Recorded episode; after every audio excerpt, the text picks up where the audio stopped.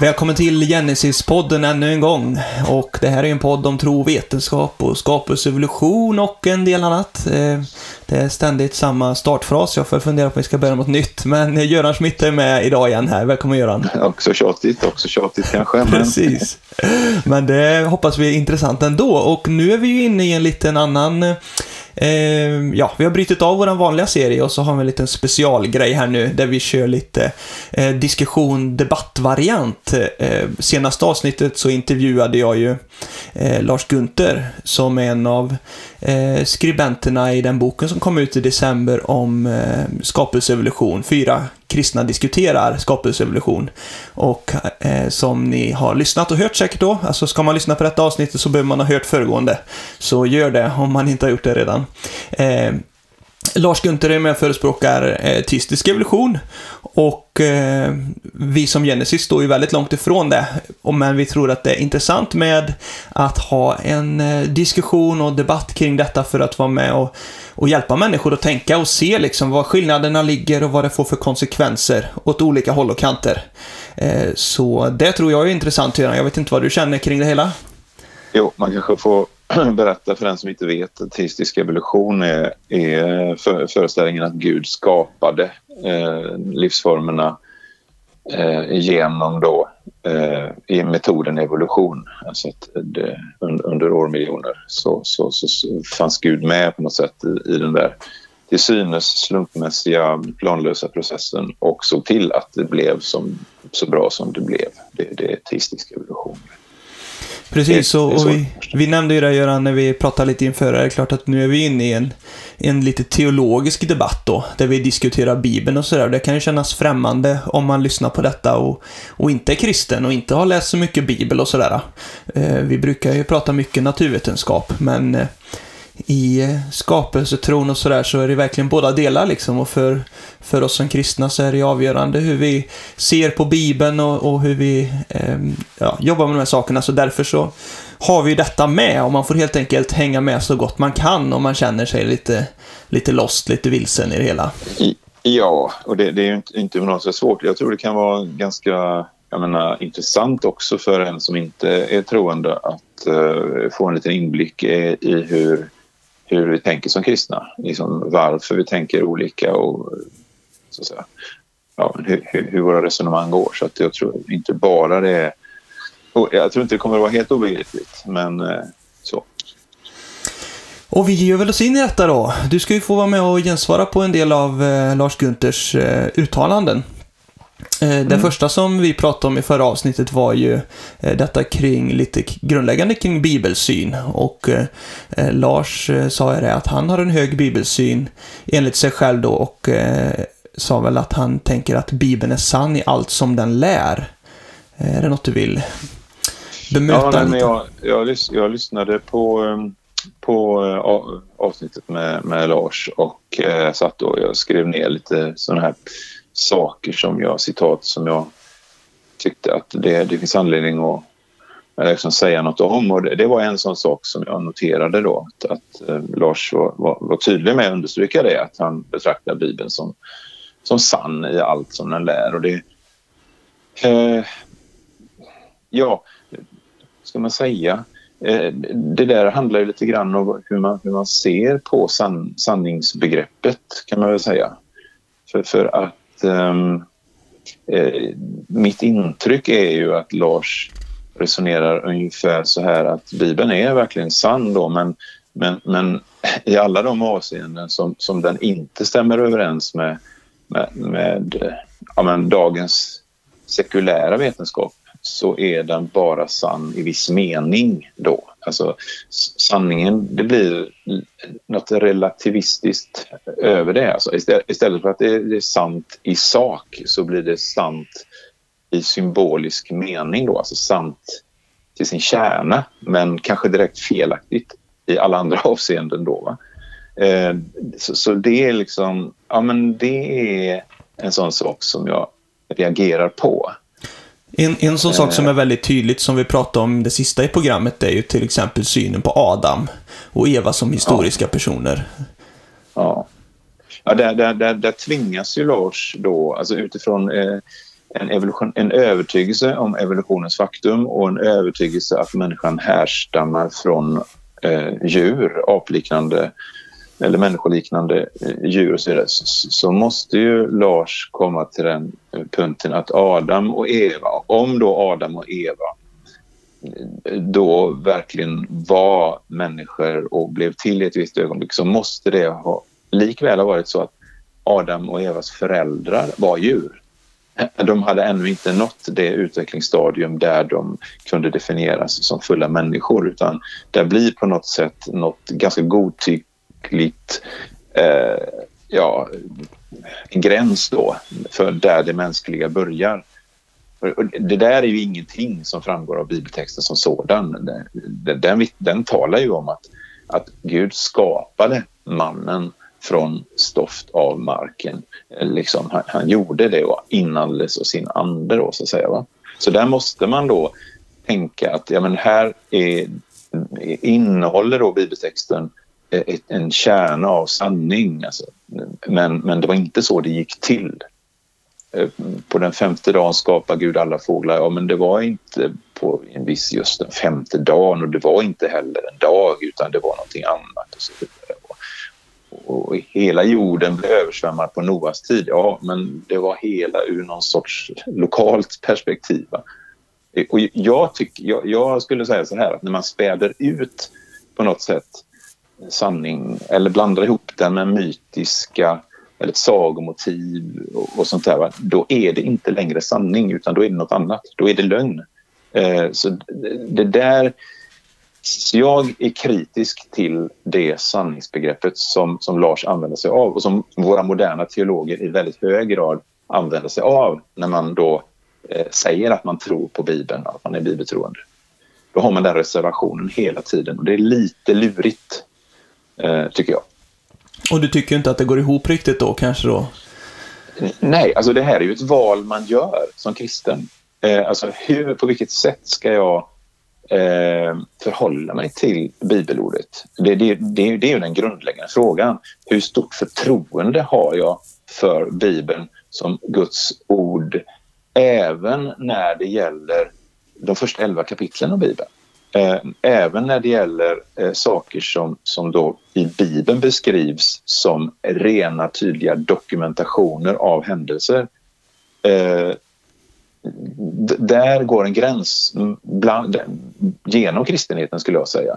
Om man är beredd att tro och, och, och, ha förtroende för vad Bibeln faktiskt säger eller om man ska låta den synen styras av, som jag brukar säga, den sista publikationen i Science eller sådär. Det, det, ja, Just det. Sen har vi ett, eh, en eh, sak som eh, Lars nämnde att eh, ja, Bibeln har inte kommit till genom någon eh, diktamensteori. Eh, Nej, han menar väl att det, det är inte något okult, alltså att, att automatisk skrift eller sådär, alltså att, att, att någon, någon sitter som en robot och bara skriver ner exakt Guds ord. Det, så, så har det ju inte gått till överlag. Sen, sen ska man vara medveten om att om man får tro vad Bibeln faktiskt säger så, så är det så att åtminstone ibland så ligger det, sanningen ganska nära det ändå. Alltså det står att Herren talade ansikte eh, mot ansikte med Mose. Och, och, och, och, då sa Herren till honom, så här ska du säga till folket. Och sen gjorde Mose det. Och så berättade han det för folket. Och man kan läsa i Jeremia till exempel att, att Jeremia fick syner och visioner och drömmar och Gud talade till honom och sen så gick han till sin eh, sekreterare Baruk och så, och så fick han skriva ner ordagrant det som Jeremia sa då. Va? Så, så att, det ska man ju, får man ju inte glömma att eh, den dimensionen finns ju där också och de som står nära Gud eh, har alltid alltid haft sån respekt för Gud så att man har varit väldigt försiktig med att förvanska hans ord, att ändra på det. Alltså de, man har ju hört och berättat om de här judiska eh, skribenterna då som, som, som översätter och kopierar texter, hur extremt noggranna de har varit då. Men, men, sen, men jag tror, alltså även, eh, överlag så är det ju så att det, mycket av Bibeln inte är av den karaktären att det är direkt diktamen på det sättet, men Gud vakar över sitt ord. Han vet, alltså Gud står utanför tiden. Han vet i förväg hur vi kommer att tala och handla. Han har inte bestämt det, men han ser det. Och, och, och, och därför så, så, är jag, alltså min tro i, i det här, det är att Gud visste vad Bibelns författare skulle skriva ner. Och han vakade över att det blev enligt hans vilja. Att det blev harmoniskt, att det blev samstämmigt, allsidigt, att summan av det blev sanning och att vi kan därför rannsaka skrifterna och förstå mer och mer av Guds rådslut. Därför att han såg till att det blev i sin allmakt. Men, eh, men eh, kontentan blir någonstans ändå då att eh, det är klart det är ingen av oss som egentligen tror på den här liksom robotstyrningen liksom. Och det är det ingen som har sagt heller egentligen. Nej, Eh, och jag tror inte man kan förstå det här intellektuellt. Eh, det lät kanske som att jag förstod det jag sa, men det gör jag naturligtvis inte. Men, men genom tron så kan vi förstå att Gud, att, att Gud ser till. Gud är enorm på logistik.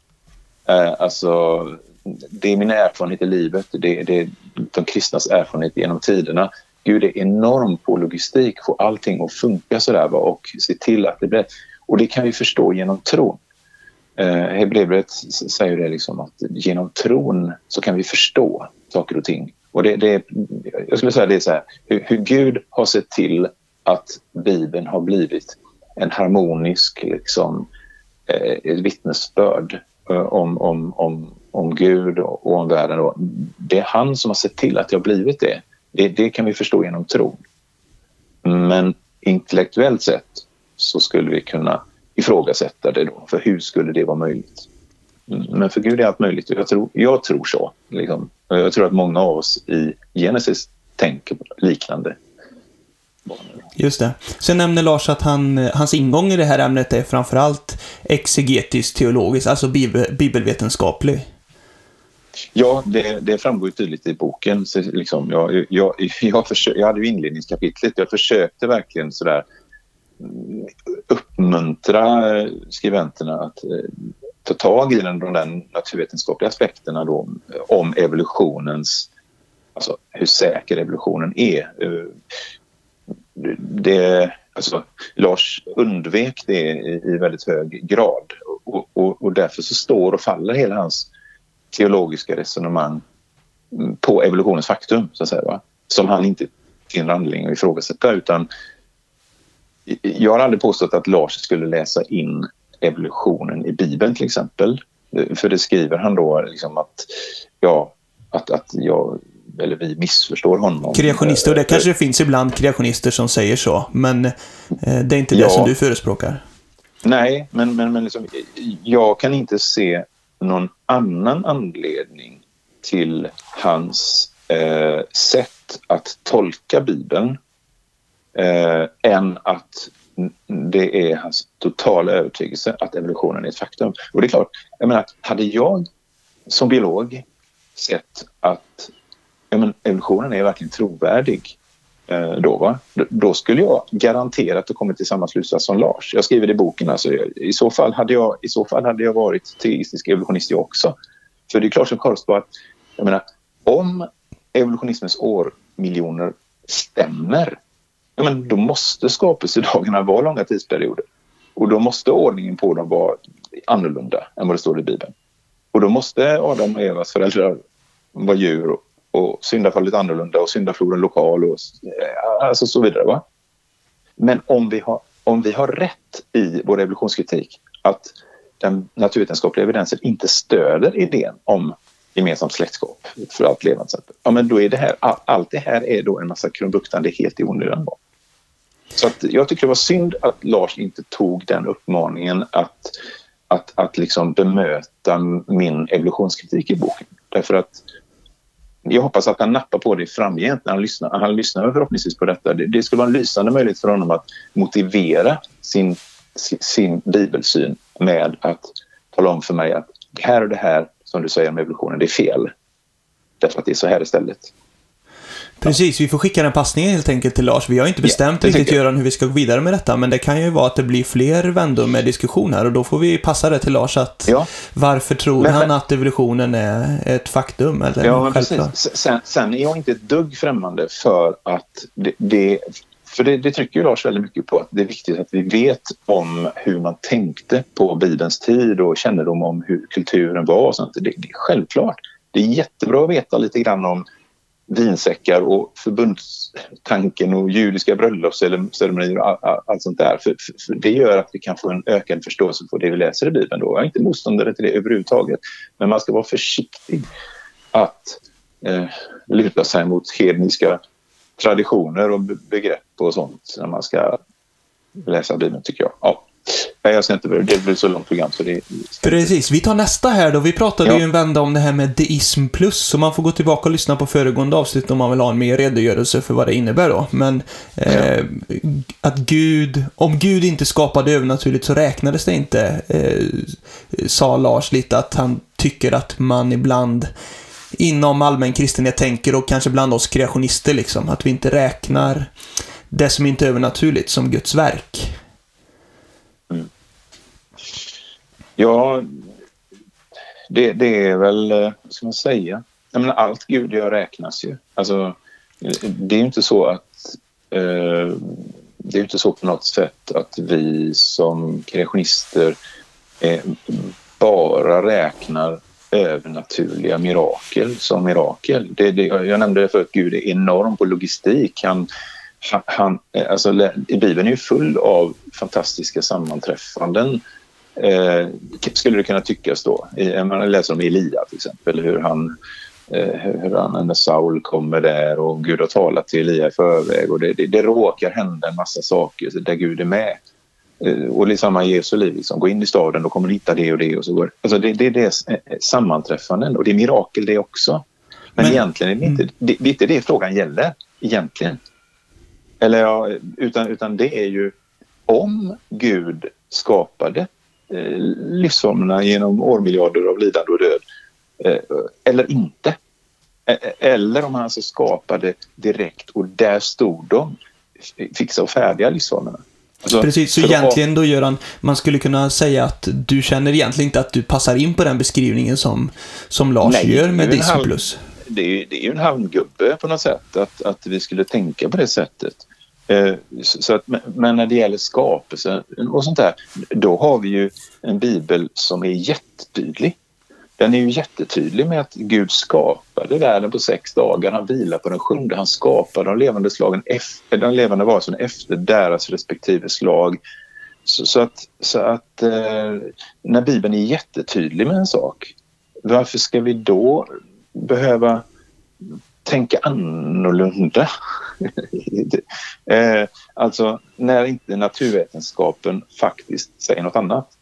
Så att eh, Jag Ja. känner ju också, jag vet jag nämnde det till Lars i avsnittet lite kort tror jag, att jag känner ju inte heller att jag passar in på beskrivningen Dism plus. Liksom. Jag skulle ju kunna, ett exempel är väl att eh, om man tänker att eh, en graviditet liksom är ju en naturlig process, fast det är ju fortfarande ett skapelseunder varje gång. Alltså så tänker Ja. jag ju verkligen kring det. Så att, Ja, ja. att Gud agerar eh, genom det naturliga, eller vad vi ska säga, det är ju inte jag någon motståndare till. Och känslan är ju där att att Lars missar eh, liksom, ja, det, det, det, med träffar Guds inte oss. Det, det har med Guds upprätthållande att göra. Liksom, att han, att han, eh, att han jag menar, är närvarande i skapelsen hela tiden.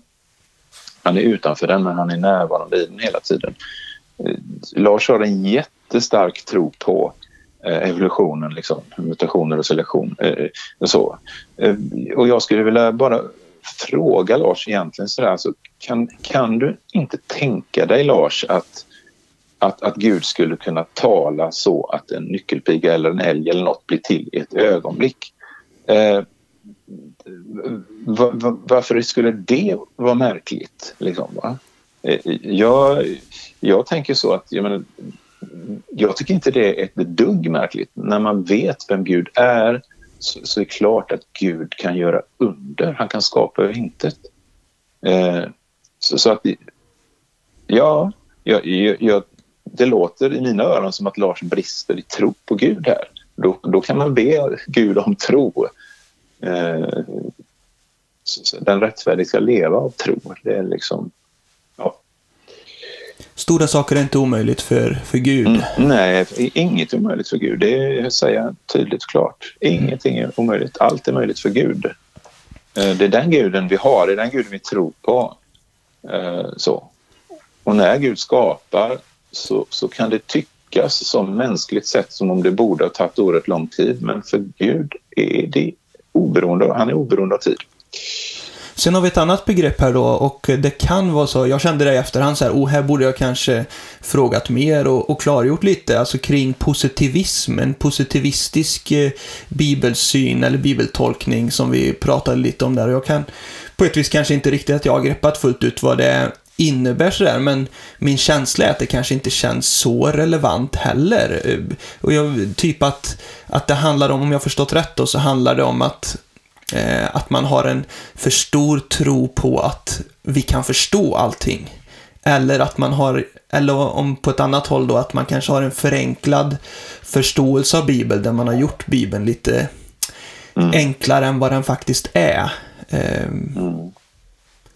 Nej, men jag, jag tror krångligt blir det egentligen om man lämnar tron, äh, trons område och ska försöka förklara hur Gud gjorde när han skapade eller, eller, eller och så vidare i, i, varje detalj. Eller, eller faktiskt lite tvärtom, så där, om man hela tiden ska försöka hitta naturliga fenomen som förklaring till att Israel kunde gå igenom Röda havet eller över Jordan, eh, torrskodda. Eh, så det är då det blir besvärligt.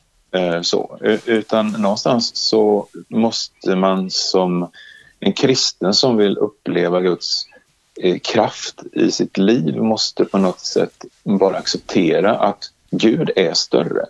Och när jag, när jag ser att de mänskliga naturliga begränsningarna sätter stopp för saker och ting, då eh, har kristna genom alla år konstaterat att ja, men Gud är större. Eh, och och, och då, när, det är då som det sker mirakel. När man sträcker sig ut i tro och bara kastar sig på Gud och säger nu klarar inte jag det här, jag förstår inte detta. Men då, eh, då kommer tron in och genom tron kan vi förstå att det här är historia, det här är ingen myt. Jag förstår inte hur det gick till, men jag vet att, att, att Gud talar sanning. Så. Men om man ställer frågan så här då till dig Göran, du känner ju inte att du har en en bibelsyn eller en bibeltolkning som är för förenklad eller som är där du har allt för stor tro på att du kan förstå allting. Det är inte därför nej. du har blivit kreationist. Nej, nej, nej, nej jag, jag, förstår inte ens den tanken. Uh, liksom. Uh, uh, så mitt svar på det är naturligtvis nej. Utan, utan det, som, det som kanske är, är störande då, det är väl att jag jag har ett sånt förtroende för Bibeln så att jag, när jag stöter på saker och ting i naturvetenskapen, till exempel den här frågan om, om jordens ålder och liknande, då istället för att jag blankt bara rakt av accepterar då att, att ja, men jorden måste vara gammal och då måste Bibeln tolkas om här så, så vill jag istället ställa frågan, ja, men jag vill undersöka, är det verkligen så då? Eh, det är mer lite grann så att jag känner att jag har sånt förtroende för Bibeln så att, eh, att, att ja, det är först i sista hand som jag skulle eh, lämna liksom, den synen att, att det är en, eh, faktiskt en bokstavlig eh, betydelse i det som sägs i Bibeln. Då. Eh, Eh, Yes, och har jag förstått fel eh, i det här eh, tanken kring positivism så får vi väl ta den en vända till sen. Då får jag... Ja, eh, så. ja, Men, ja, ja, nej, nej. Och jag, jag det, det, det, är säkert möjligt att jag inte riktigt har förstått positivismen heller riktigt i, all mening. Jag, jag, kan ju bara referera till hur jag själv tänker och hur de flesta skapelsetroende tänker kring det här. Och man är ju inte på något sätt, uh, ja, vad ska jag säga, jag kan inte se att, att vi, vi liksom gör saker lätt för oss men vi, vi, vi, litar på en gud som, som som eh, kan göra mirakel. Sen då Göran så kommer vi in... Ja, fortsätt. Nej, nej, nej, men när man lämnar det, om man, om man inte tänker så, att Gud är miraklens Gud, då får man ett jobb med mycket saker. Ja. Eh, Såklart. Om vi går vidare då så kommer vi in på något som är lite kanske mer kopplat till naturvetenskapen här då. Eh, det här med eh, arter och gränssättning, skapade slag och grejer och, och, och sådär.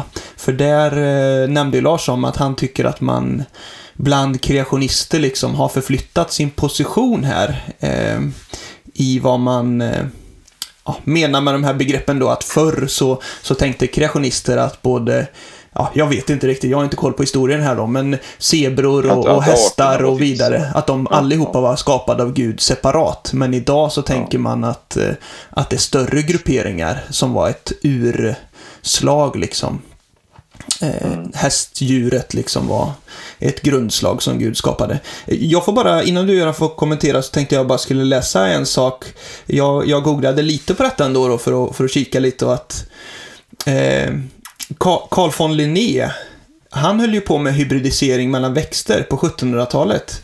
Och han menade att eh, Guds skapade grundslag utgjorde de växter som kunde hybridisera med varandra. Så han hade ju i alla fall ett brett. Så att, eh, det var ju ett sånt exempel som jag hittade där. där det verkar ju inte vara en jätteny tanke bland skapelsetroende. Nej.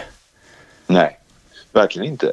Eh, och, och, så jag vet inte riktigt var, var Lars har fått den uppgiften ifrån. Det, det, det skulle vara jättebra om han ville tala om det. Eh, var han får, fick den uppgiften ifrån. Därför att, jag, menar, jag, jag har följt med i alltså, kreationiströrelsen sedan början på 1970-talet. Den, den första boken som jag köpte då, det var, det var ju den här, en sån där eh, så säga, klassiker, The Genesis Flood av Morris Whitcomb som kom eh, första upplaga 1961, någon gång där. Där ägnar man flera sidor åt att, att beskriva det här grundarts eller grundslagsbegreppet då. Va? Så, så att, så att jag, jag liksom eh, har levt med det hela tiden. Så, så där skulle jag direkt säga, där har Lars fel helt enkelt. Det är Va? inte alls någon, någon ny, ny eh, Nej.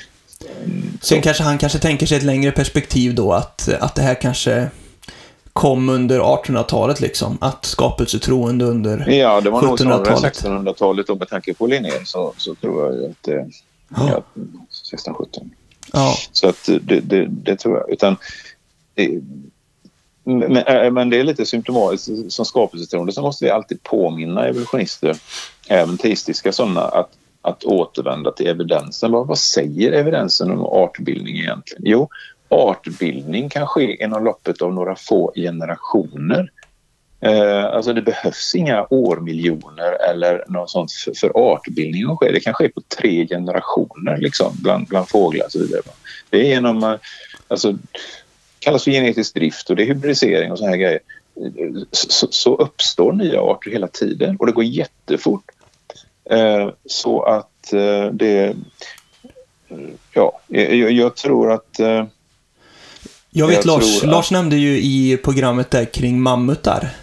ja. Eh, och att, jag vet inte om du har koll på den diskussionen, men att... Ja, eh, nej, men alltså, det, ärligt talat, mammutar och en eh, elefant, en vanlig elefant, eller asiatisk variant säger vi då, de, de är jättelika. Det är hårväxten i stort sett och betarnas form, lite sånt där. Alltså, rent genetiskt sett, så, så det som behövs för att få eh, en, eh, en övergång mellan de formerna, det är i stort sett bara att stänga av en genströmbrytare som, som, som stänger av hårtillväxten eller kopplar på hårtillväxten. Alltså det, det, är en, det, det är oerhört lite som skiljer en mammut från en, en vanlig elefant. De skulle säkerligen ha hybridiserat, skulle jag säga, eh, om, om de levde på, på, på samma tid och sådär. va? Så att, eh, men jag menar, det, det räcker ju att jämföra med alltså skillnaden mellan en chihuahua hund och en irländsk varghund eller Grand Danois. Sånt där, va? Alltså den skillnaden och allt däremellan är ju mycket, mycket större än mellan en mammut och en, eh, en elefant. Eh, så. Så, så att, jag menar, och det är bevisligen samma, eh, samma art rent av. Och den har uppkommit på ett par hundra år har man avlat fram alla de här sorterna. Så att, så att, så att, att, att det sker en, kan ske en snabb artbildning i naturen, det är ställt utom varje tvivel. Eh, det kan gå jättefort och det är lika solklart skulle jag säga att det finns fixa gränser mellan de olika slagen, kategorierna, familjerna av olika, olika ryggradsdjur till exempel. Det, det, är bara i evolutionisters drömmar som det är annorlunda. Eh, alltså att variationen är obegränsad. Så. I ett. Eh, I ett kreationistiskt perspektiv så gick ju eh, liksom elefanten, eller vad det var för djur, så gick ju land efter arken då. Och sen måste den ha tagit sig norrut kanske då, och så har vi istiden strax efter eh, strax efter arken. Jag har inte riktigt koll på hur lång tid det är, men det är väl det som Lars ifrågasätter där, att, att det verkligen skulle kunna gått så, gått så fort. fort. Så fort. Ja, ja, men som sagt, det kan ske under loppet av några få generationer. Det handlar om en, det handlar om, när det handlar om, alltså inom eh, alltså variation inom en, en, en, en grundtyp av en organism så räcker det att en population skiljs från sin eh, moderpopulation så händer det saker snabbt. Eh, så så det, kan, det kan ske på många eh, med kända mekanismer så kan det ske snabb artbildning. Så att eh, jag skulle säga att det, det, inte är något... Eh, jag kan inte se att det skulle vara något, något, något problem utan, utan utan, problem är det för evolutionsteorin när man numera hittar att artbildning kan gå så rasande snabbt. Eh, sådär va, tio år, nya arter. Eh, utan, utan eh, därför att evolutionen förutsätter ju alla de här årmiljonerna som en, en, en artskapande mekanism. Då. Och, och jag vet så. i det sammanhang så nämnde Lars kring att han tänker att, att det är ett problem bland kreationismer att man har börjat acceptera en viss evolution och sådär. Men visst är det, det är ju det är skillnad på evolution och evolution. Ja, men det, det är det. Och på något sätt så lever... Makro, mikro eller vad vi ska... Vi har ju pratat ja, om det förut. Mikro, man, kan, man, kan, man kan säga så här. Alltså, om, om man har en eh, vad ska vi säga? Alltså alla djuruppfödare och växtförädlare vet, vet att det finns gränser för förändringen, så att säga. Va? Eh, men, men det, det, verkar som att man tänker så här bland evolutionister att om, om man kan hoppa en centimeter högre i höjdhopp varje vecka om man tränar riktigt bra så kan man om tio år hoppa fem meter i höjd och om hundra år kan man hoppa 50 meter i höjd. Men det är inte så. Alltså fysikens lagar sätter gränser för vad som är möjligt. Och på samma sätt så förbjuder biologins lagar att en katt kan utvecklas till en hund och tvärtom. Utan, eh, så, att, så att det är bara i kraft av en evolutionär förväntan av att variationen inte är begränsad. Det är då först man kan börja tänka i termer av den här storskaliga evolutionen. Utan det som vi ser, som du säger här, det är mikroevolution, variation inom eh, grundtypen. Det, där finns all evidens i världen för det och det är ingen som ifrågasätter det. Det går att höja sitt, sitt höjdhopp med 10 centimeter men inte med 10 meter. Eh, så skulle man kunna formulera det då. Och, och sann evolution, jag vet inte om man får säga så, jag kanske uttrycker mig klumpigt här nu. Men sann evolution från eh, mikroorganism till människa eller apa liksom och sådär. Det kräver ju verkligen ny information som uppkommer. Det är någonting man återkommer ofta till bland eh, kreationister. Och, ja, ny information som kodar för nya strukturer och nya funktioner och bla bla bla. bla. Så, så måste det vara.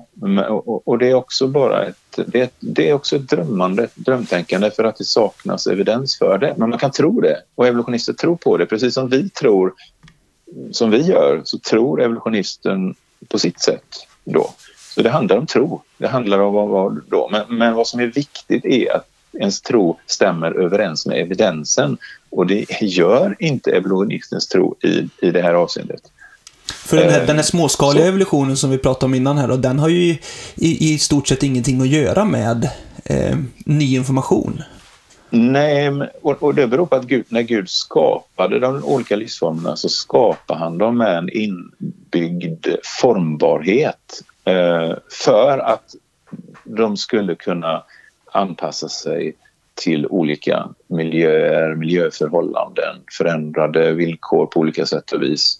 Eh, det, är det där inbyggda system i genetiken och, och, och de systemen håller vi på att utforska idag och lära oss mer av inom ett område som kallas epigenetik bland annat. Eh, det där är ett jättestarkt stöd för Eh, skapelsehypotesen därför att de systemen finns redan i levande varelser och utnyttjas av levande varelser. Eh, och de tillför en extra dimension av komplexitet hos levande varelser som, som, som gör det ännu svårare för en evolutionist att motivera hur det ska kunna uppstått genom slumpmässiga förändringar långsamt gradvis. Så. Vi hoppar vidare. Ja. Vi får be Lars att gensvara på detta också om han tycker att ja. det inte är tydligt. Ja. Men, eh, eh, ja, vi tar den här då. Eh, första Mosebok 3. Gud vandrar i lustgården. Och Lars säger att jag tror inte att Gud har kropp och går på två ben. Det, då, och då om man har en sån tolkning där man tror att det här är någon form av eh, andlig varelse, eller jag vet inte riktigt hur han tänker, men då lämnar man ju liksom texten och börjar tolka. Hur, hur tänker du kring den texten? Uh, ja, lämnar man verkligen texten och börjar tolka om man läser till att Gud vandrar i lustgården? Uh, du, du tänker att det var, du tänker att Gud var en, att han tog någon form av mänsklig gestalt på något vis? Ja, jag, jag, jag, tycker att det är helt uppenbart av texten eftersom det just är precis det den säger. Uh, och, och, jag skulle säga att det, det är helt i linje med man säger, klassisk teologi och tänka så. Eh, Jesus föddes som människa i Betlehem, ja, men, men han uppenbarade sig också för det gamla testamentets eh, ja, men, heliga eh, det finns ju, det finns ju. Det, det är bara att läsa. Jo, jo, mm. jo, det gör det, men det är bara egentligen, jag menar, till exempel när, när, eh, när, eh, när tre män besökte Abraham i Första Mosebok 18 eh, kapitel 18 och 19 där då, så, då, då, är det liksom, det är helt uppenbart av texten. Det var Herren själv och det var två änglar. Och de, Herren stannade kvar så Abraham, de två änglarna gick till Sodom. Det kan vi läsa om där då. Ja. Det var Herren, det var herren som, som talade med honom. Och, och eh, så, så, så att, varför krångla till det? det står ju så. Eh, och och eh, att, att Kristus uppenbarade sig redan på det gamla testamentets tid. Det är ju på något sätt eh, du, du, kan säkert mer teologi än jag. Precis, men, Nej, men, men det här är väldigt eh, relevant givetvis för att det är ju, och, och jag tror att Lars poäng var väl ungefär så här att Nej men det finns väl ingen kristen som tänker att Gud verkligen tog fysisk gestalt eller visade sig fysiskt till lustgården. Men eh, jag tänker ju som du att, ja men det gjorde han ju, det står ju så i texten. Jag har inga problem med att Gud visade sig fysiskt. Sen om man hade, hade han kropp man kunde ta på eller inte, det kanske går att diskutera. Men jag menar det finns ju massa änglar och, och som du nämner här, liksom, det finns ju uppenbarelse genom hela Bibeln där ja, gestalter visar sig. Så det är ju inget problem. Nej, jag, lä jag läste igår morse när jag läste Bibeln så läste jag just om eh, Aron och Miriam när de, eh, de gjorde, liksom, började gnälla på Mose och, och lite grann sådär. Va? Och då tillrättavisar Herren dem och säger det att när jag pratar med profeterna, säger han då, då, då liksom uppenbarar jag mig i drömmar och i syner.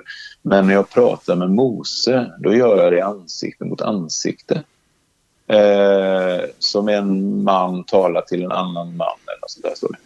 Eh, så det, ska man tro bibeltexten så är det så. Eh, och varför skulle vi inte göra det? Alltså varför, vad, finns det för anledning att, vi, att man eh, ska försöka övertyga kristna människor om något annat än vad det uttryckligen står i texten? Jag, eh, jag kan inte förstå det. Eh, varför? Så, så, att jag förstår inte det, den eh, invändningen riktigt där. Varför skulle inte Gud som kan skapa himmel och jord kunna uppenbara sig i, i en gestalt eh, av en människa? Va? Var går gränsen mellan vad som är möjligt och inte möjligt för Gud? Man kan skapa hela universum. Varför skulle han inte kunna göra det? Och till sist här då Göran så har vi detta ja. med, vi pratade ju lite, jag och Lars då, om detta med mytologisk, eh, mytohistorisk bibelgenre liksom. Ja, just det. Uh, ja. Um, ja.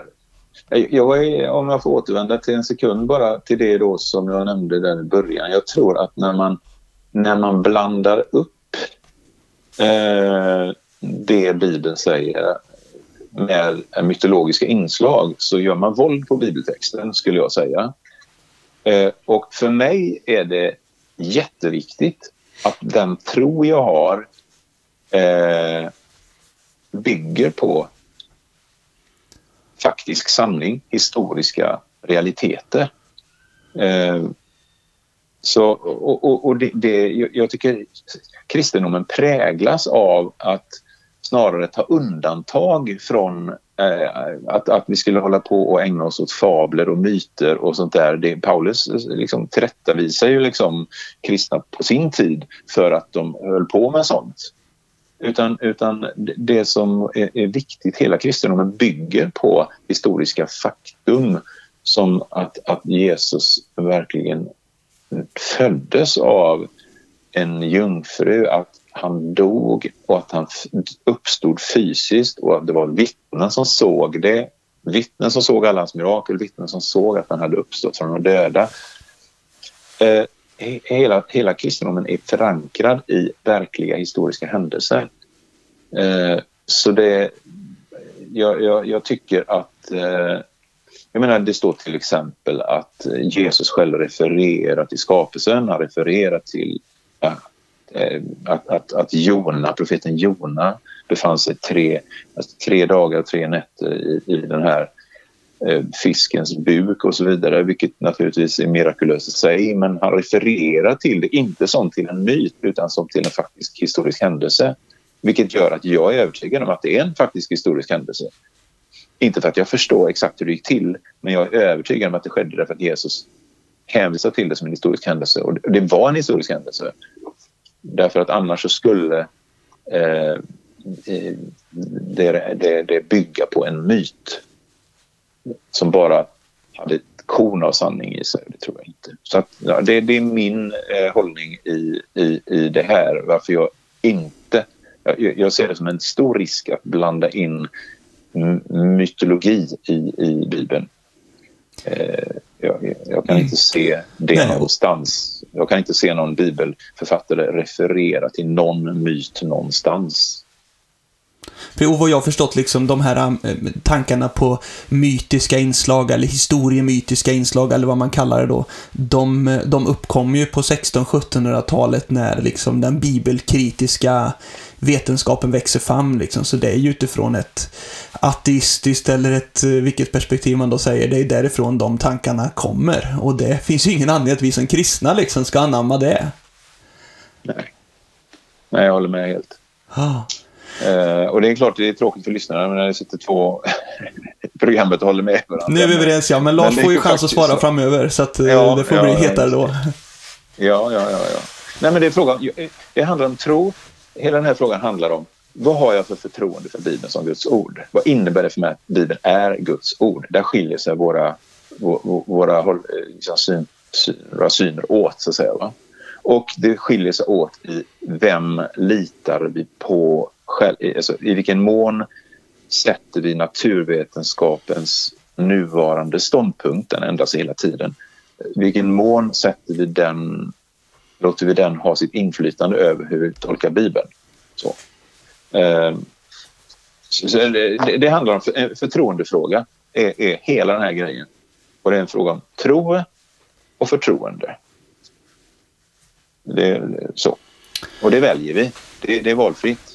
Men vi ska samtidigt svara inför Gud en dag eh, för hur vi behandlade hans ord och hur vi undervisade och hur vi lärde. Så att det, det, för mig är det jätte... Jag, jag har en eh, stor respekt för Gud. Det har säkert Lars också. Men jag har stor respekt för Gud. Jag skulle inte eh, våga att gå så långt utanför de gränserna som, eh, av respekt för vår Herre. Så, men det, det, är ett val vi gör. Vi får ta och stanna där. Nu har vi fått ett långt avsnitt, men eh, nu yes. har vi lagt upp detta för en fortsättning, så vi får hoppas att vi får till det. Och så får vi tacka alla lyssnare och eh, sprid gärna podden, dela med till vänner och bekanta och folk som kan tycka att det här är intressant. Skicka gärna in eh, kommentarer, frågor, ifrågasättanden till eh, våran mailadress då, podden genesis.nu, podden med två D, så kan vi få lite fortsatt eh, ja, dialog och spännande saker som kan eh, ja, komma vidare ur detta. Eh, tack så mycket Göran för eh, avsnittet. Mm. Tack, tack. Vad kul. Yes. Prata ut. Precis. Så eh, på återseende får vi säga till alla lyssnare. Ha det bra med er. Ja, eller hörande i alla fall. Yes, ja det stämmer. Ja, ja då. Hej då. Hej.